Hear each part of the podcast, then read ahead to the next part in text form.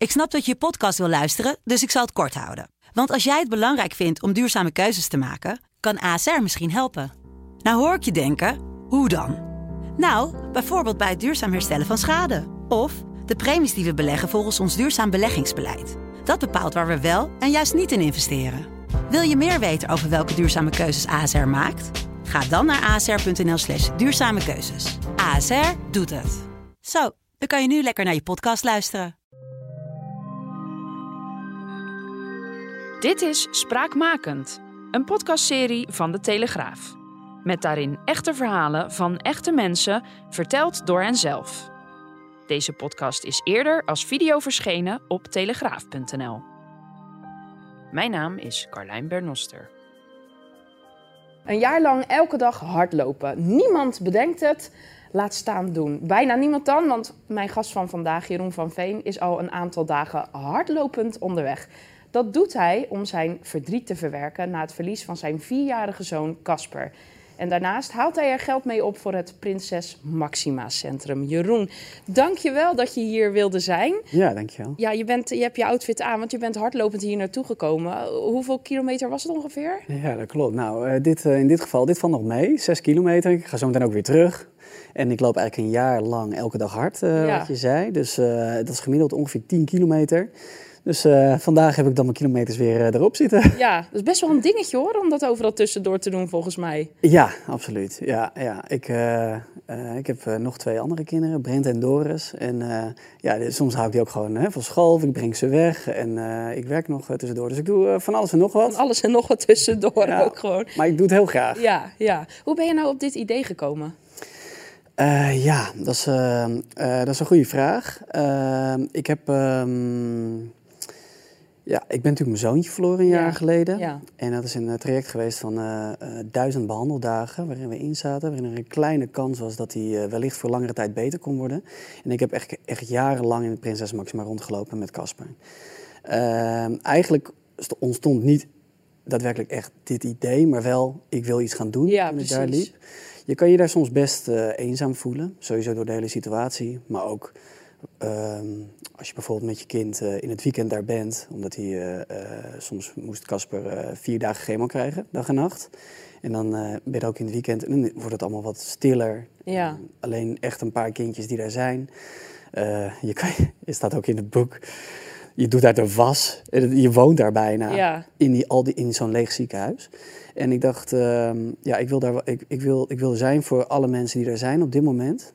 Uh, vandaag zijn er ook gewoon weer kindjes die behandeld worden.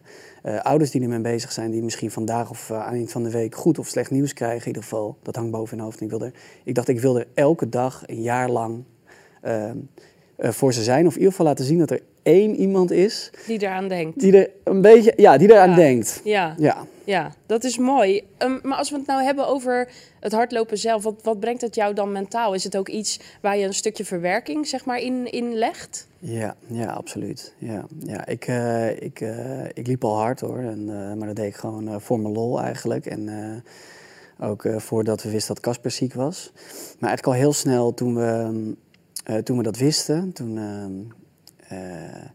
werden we ook wel geadviseerd uh, om, uh, om te doen wat je, ja, ook, om ook gewoon te blijven doen wat je leuk ja, vindt eigenlijk. Ja. Hoe moeilijk dat ook kan zijn, om, om de batterij op te laden. Maar je bent er eigenlijk 24 uur per dag mee bezig. Ja, tuurlijk. Ook s'nachts, want dan...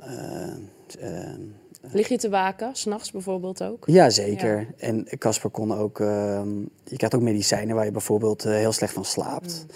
Of uh, ja, het is misschien heel, uh, heel inhoudelijk, maar je hebt bijvoorbeeld ook. Casper was nog een jaar en een paar maanden toen we erachter kwamen. Dus in het begin had hij nog luiers om.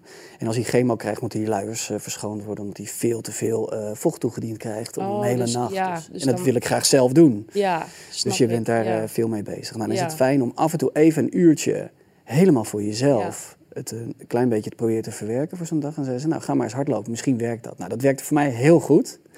En het had ook het bijeffect eigenlijk dat ik, dat ik als je echt, als je flink hard loopt en je, en je komt jezelf tegen en je bent moe en misschien wel bij een lange afstand zelfs, als je marathon rent, bij de laatste 10 kilometer, ja, dan het bewuste, het onbewuste wat je misschien tegenhoudt, kun je dan allemaal even laten gaan. Ja. Dus uh, Ja. ik heb het in een, uh, een van de hoofdstukken, noem ik het, uh, noem ik mezelf gekscherend, een, de huilende hardloper. En het is vast heel raar geweest, ook voor mensen die mij toen zagen rennen. Maar voor mezelf was het heel bevrijdend Daar kan ik me iets bij voorstellen. om het even helemaal los te ja, laten. ja, ik wil het zo nog eventjes echt wel over je, over je boek hebben. Hij staat hier naast je, prachtig, met de foto van Casper op de voorkant. Ja, Ehm, wat voor jongetje was Casper? ja Casper die was, ik ben natuurlijk een hele trotse papa. Ja, Dus eh, al, alle drie mijn kinderen zijn geweldig en Casper ook. Maar ik zeg ook altijd, eh, Casper die, ehm, die was heel onbevangen. Dus hij, had, eh, hij stond heel open in het leven. Ja, het kwam misschien ook omdat hij veel in het ziekenhuis was. Dus dat hij een, toch een ander soort leven heeft dan eh, ja andere vanaf één jaar oud al. Vanaf één je, ja. jaar. Hij heeft daar leren lopen. Hij is daar echt groot geworden. Hij heeft daar zijn verjaardag gevierd. ehm, eh, kerst. ja, eigenlijk alles. Ja, Hij heeft daar vrienden gemaakt. En, ehm, eh, en toen we het hoorden, dacht ik eigenlijk... Misschien, hoe, hoe gaat dat? Je weet, je weet dat niet. Nee. Ik, ik, tuurlijk, ik dacht aan een kindje. Hij moest, eh, hij moest heel veel chemo. Hij moest misschien later, als we heel veel geluk hadden, nog zelfs bestraald worden. Ik dacht, nou, dat wordt eh, misschien wel een kaal kindje. En eh, misschien moet hij door een zonde eten bijvoorbeeld. Wat ook eigenlijk best wel vaak aan de hand is.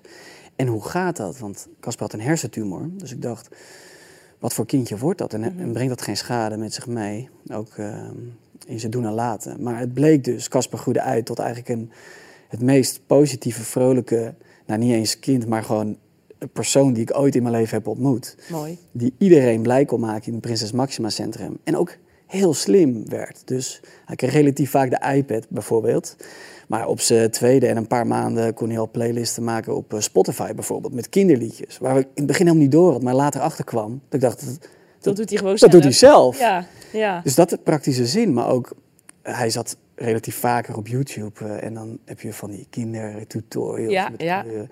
Nou, hij wist werkelijk alles. Dus hij kon op een gegeven moment in drie talen tot, eh tot honderd tellen. Echt, ja? En, eh, ja, echt, echt extreem. Dus, en daar kreeg hij ook best veel complimenten Ja, over. dat kan ik me voorstellen. Dus in zijn wereld dacht hij, zal ik eens laten zien? Ik denk als hij, ehm, als hij, als hij, hij vond het af en toe absoluut niet leuk, bijvoorbeeld aanprikken in het Prinses Maxima Centrum.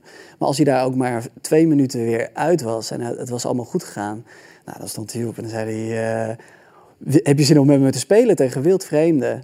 Die daar ook natuurlijk zaten. Ja, eh, ja. heel open dus. Heel open, Ja. heel open. Ja. Hoe zijn jullie erachter gekomen dat hij, dat hij ziek was, dat er iets was? Ja, op, eh, op terugwerkende kracht eh, eh, was dat, ehm, eh, terugkijkend kan ik dat weten. Hij had een tijdje had hij last van zijn maag, moest hij veel overgeven. Ja. En we dachten dus aan een buikgriep. Ja, De huisarts had ook een buikgriep en het kinderdagverblijf ook.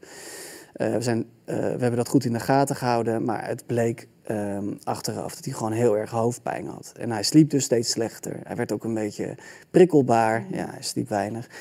En op een gegeven moment hadden we zelf uitgevonden dat hij eh, vooral in de kinderwagen s'nachts eh rechtop nog wel in slaap kon Ja. vallen. Wij dachten dat is een geborgen plekje, maar achteraf bleek dat dat, dat wat meer rust gaf in ja, zijn hoofd. ja.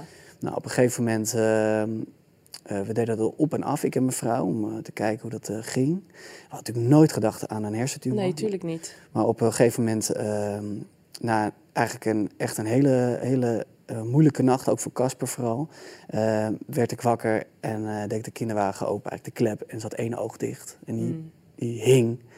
En toen, ja, toen begon het. Ja, toen Ja. dacht je wel van dit is helemaal mis. Ja, ja, ja, ja. toen dacht ik gelijk, dit is niet goed. Ehm, Wil je water? ja, even één slokje. Ja, maar hoor. Ja, toen, eh, ja, ik zie dat nog eens voor me natuurlijk. Ik, eh, ik probeerde zo rustig mogelijk mijn vrouw naar boven te roepen. Ja, want je wil ook niet stressen, omdat je dan natuurlijk ook een gevoel geeft aan je kindje. Dus je wil ook een soort van eh, rustig blijven voor voor Casper zelf, denk ik. Ja, Ja. ja. zeker. En je Ja. wil hem helpen. En het helpt niet als je dan gestrest Nee. bent. Of, eigenlijk begon het toen al dat we rustig wilden blijven. Maar eh, ja, zo begon het wel. We dachten, dit is echt foute boel. We gingen naar de huisarts. En toen begon eigenlijk, eh, toen is eigenlijk de wereld eh, voor altijd veranderd. Ja, en dan heb je, je, je schrijft het ook in je boek, eh, duizend dagen aan eh, behandelingen. Ja, ja, ik zal het uitleggen. Ja, of Ja. Ik zal het, het is- zijn eigenlijk duizend, het is een behandeltraject van duizend dagen. Waarin hij eigenlijk elke dag werd behandeld. Of herstellende was van een behandeling. Van een behandeling, ja. En dat is vrij uitzonderlijk. Omdat eh, normaal gesproken zou je, als je een hersentumor hebt, zou je bestraald worden. Mhm. En dan daarna krijg je onderhoudschemo. In, de meeste gevallen, je hebt altijd uitzonderingen, net zoals Casper. Ja, ja. Maar bij Casper, die was veel te jong om nog bestraald te worden. Dus er werd een plan bedacht om hem eerst eh, drie jaar te laten worden met, om, door hem intensief chemo's te geven. Ja, Maar ehm, wat wel heftig is voor zo'n lijfje natuurlijk. ja, ja het, eh, wat enorm heftig is. Ja, En ehm, ook met bijwerkingen. Maar eh, ook daarbij dat ehm, ze eigenlijk, ze wisten niet, eh, eh, de kans op slagen dat die überhaupt drie zou kunnen worden, was kan, kleiner dan één. Dus ik schrijf het in het boek als eh, 0, komma iets. Maar dat was een heel klein eilandje. Ik noem het wel eens het in, in een enorme zee van ellende. was een heel klein eilandje van geluk waar we op konden gaan staan. En we konden gaan proberen om eigenlijk de uitzondering te gaan zoeken. Dus chemo geven, elke dag intensief. In het begin vijf soorten. We hadden daar eh, twee keer tien weken de tijd voor om te proberen of een chemo aan zou slaan. Nou, de verwachting was dat het niet aan zou slaan, want de soort kanker die, ehm, eh, daar, daar is eigenlijk geen, eh, geen chemo eh, is daar goed voor. nee, prognose was ook 20 weken geloof ik. hè? Ja, twee keer tien instantie, weken konden, ja. we, oefen, konden we iets Ja. proberen. Dus er werd eigenlijk zoveel mogelijk chemo gegeven op alle soorten manieren. In zijn hoofd, oraal via zijn mond, via zijn slagader. Om te kijken, ja. De eerste tien weken werkte het niet. Nou, dat was ook de gedachte hoor. Dus werden we gebeld. En dat is natuurlijk verschrikkelijk om te horen, maar ze zijn altijd realistisch geweest. Ja, Maar eh, toen hadden we nog één kans. Toen zijn er een paar chemo's veranderd. Hebben ze nog één keer. Het was eigenlijk gewoon gokken. ja, En op de een of andere manier, ze weet ook niet waarom, maar eh, sloeg het dus aan de tweede keer. Kregen we een telefoontje van, eh, ja, in plaats van dat hij zou overlijden, dat er opeens weer een kansje was. Ja. ja, heb je toch dat eilandje in the middle of nowhere, ja. heb je in ieder geval aangeraakt. Ja, en Ja. Het, het zijn ook tranen van geluk, want je kan je voorstellen als je om acht uur s'avonds er zit. Ik met mijn vrouw, je bent aan het wachten op dat telefoontje. Ja, vreselijk. en dan hoor je opeens goed nieuws. Eh, ik had echt hoofdpijn van geluk een paar dagen. Ja, En, ehm, en nog steeds heel erg moeilijk, want chemo kan eigenlijk nooit anderhalf jaar werken. Dus de kans was nog steeds heel klein dat hij drie zou worden. Chemo wint uiteindelijk altijd, of eh, kanker wint altijd van chemo. Mhm. Maar nou ja, dus ik zal niet het hele verhaal vertellen, maar door echt Casper eh, ongelooflijke eh, sprongen gemaakt, oog van de naald een paar keer. En eh, kon, heeft hij het dus zelfs uiteindelijk gehaald. En eigenlijk was dat punt van dat telefoontje, was voor, veranderde weer wederom de wereld. Want nadat het alleen maar slechter ging en we kregen nog slechtere prognoses en de kanker was kwaadaardig en dan ook nog in de zwaarste gradatie, kwam het eerste geluk van, eh, ja, jullie zoontje, eh, we gaan hem eh, verder behandelen. Het uh, behandeltraject gaat door, we weten niet waar het eindigt, maar vanaf nu is het elke dag gaan we kijken. Gaan we checken wekelijks of eens in de zoveel weken een MRI. We weten niet wat er, wat er aan de hand is, maar dit- deze onwaarschijnlijkheid gaan we omarmen. Precies. En, we gaan ervoor. precies. Dat was voor Casper natuurlijk en voor, de, voor iedereen het moraal heel erg goed. Ja, Ehm, eh, we hadden het net al heel eventjes over je boek, eh, Casper Achtbaan eh, op losse schroeven. Ja. Ehm, was, was het schrijven ook, want we, we hebben het natuurlijk over het hardlopen, dat dat, dat dat even een momentje voor jezelf was en, eh, en, en helend was. Was het schrijven van het boek ook een proces om te helen voor jou? Ja, zeker weten. Ja, dat eh, meerdere ideeën. Ik zal wel eerlijk zijn, in het begin dacht ik, ik ga, hier, eh, ik ga, hier, ik ga dit niet eh, wereldkundig eh, maken. Nee, het is misschien eerst meer een dagboekidee. Ja, Ja. Ik, had, ik had een paar eh, gebeurtenissen. We hebben heel veel foto's en filmpjes Mhm. gemaakt. Echt iets van 16.000 of zo. In, het hele, in die paar jaar. En ik had, maar ja, een foto, die kan niet alles vertellen. Nee. Dus af en toe schreef ik in mijn telefoon wat er eigenlijk exact gebeurde. Dat deed ik ook voor mijn kinderen, zodat ze als ze later oud werden. En voor Casper wellicht ook. Ja. Dat hij wist wat er ongeveer gebeurde Ja. en hoe ik me voelde, de emotie erachter. Nou, op een gegeven moment waren we dus, eh, eh, werd hij wel eh, bestraald. Waren we in Groningen daarvoor, zes weken. En kwamen we ouders tegen die eigenlijk het hele traject andersom eh, bewandelden. Dus eerst bestralen en daarna chemo. Nou, die, waren, die hadden het net gehoord, soms een paar weken. Die waren natuurlijk helemaal uit het veld geslagen. Die Ja. wisten niet wat ze gebeurde. Ja. Die kwamen Casper tegen en die zag... ja, sorry. Ik vind het ook gewoon... tijd. ik vind het ook heel mooi. Ja, Die zagen dus een heel vrolijk jongetje. en die, eh, ja, dat gaf ze hoop. ja, En eh, die zeiden, daar moet je wat mee doen. Ja, toen was ik gelijk om. Toen dacht Ja. ik, ze hebben ook helemaal gelijk. Ik ga er een boek over schrijven. Ja, en ik ga dit verhaal proberen door te vertellen. ja. En als ik ook maar één iemand kan bereiken, dan eh, is dat voor mij geslaagd. Ja, nou dat, dat is het sowieso. Eh, en ook al met wat je nog meer eh, teweeg brengt. We zeiden het al, het is echt, echt serious business nu geworden. Zo kunnen we wel stellen. Absoluut, ja. Wat, ehm, het, het is voor het Prinses Maxima Centrum. Ehm, wat, Ja. wat, wat, wil je, wat wil je voor hen bereiken? Wat, wat is je doel? Ja, nou, ik wil eigenlijk, ik heb het opgezet om te laten zien dat, dat er in ieder geval één iemand is die Ja. echt een jaar lang elke dag aan ze denkt. Ja, Dus dat sowieso. Daarbij wil ik natuurlijk zoveel mogelijk geld ophalen. En ja maar dat, dat bedoel ik eigenlijk. Hoeveel, wat, wat, ja, wat is mijn doel? ja, Nou want ja. je zat eerst op 50.000, maar dat heb je al gehaald. En je bent hoe lang bezig? Een paar dagen? Ja, ja, ik ben volgens mij officieel nog geen tien dagen bezig. Nee. En eh, ja, het gaat echt, eh, eh, echt door het dak. En daar ben ik ook echt heel blij mee en heel dankbaar voor.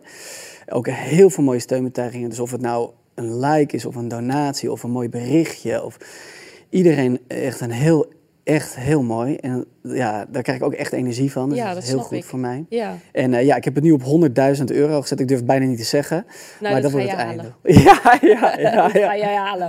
Als je nu al op zoveel zit, dan ga je dat vasthalen, weet ik zeker. Want je gaat marathons lopen. eh, je loopt natuurlijk die tien ongeveer gemiddeld per dag. Maar eh, ik, ik ga het nog een keer benadrukken. Je loopt zelfs twee keer een marathon in de week. Maar je gaat hem afsluiten. Vertel daar eens even over. Ja, aan het eind van het jaar hoop ik dat mijn hele shirt vol staat. Want dat is nog wel een mooi extraatje voor bedrijven. Als je meer dan eh, 100 euro doneert, dan kom je op mijn shirt. Ja, Nou, dit is nog het eerste shirt. De tweede is al in de maak. Er zitten nu ongeveer helemaal 70 vol? of 80 sponsors op. Dus ik zie er ook van lekker op.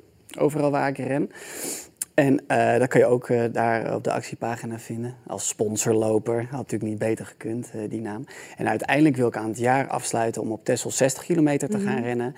Om dan eh, ja, eigenlijk ehm, op een gekke manier klinkt het misschien, maar ook het leven te vieren. Want het is natuurlijk een heel zwaar onderwerp. En, eh, maar het, het boek en het verhaal daarin zul je ook lezen. Maar ook eh, eh, nou ja, wat ik nu allemaal krijg, is ook heel veel geluksmomenten.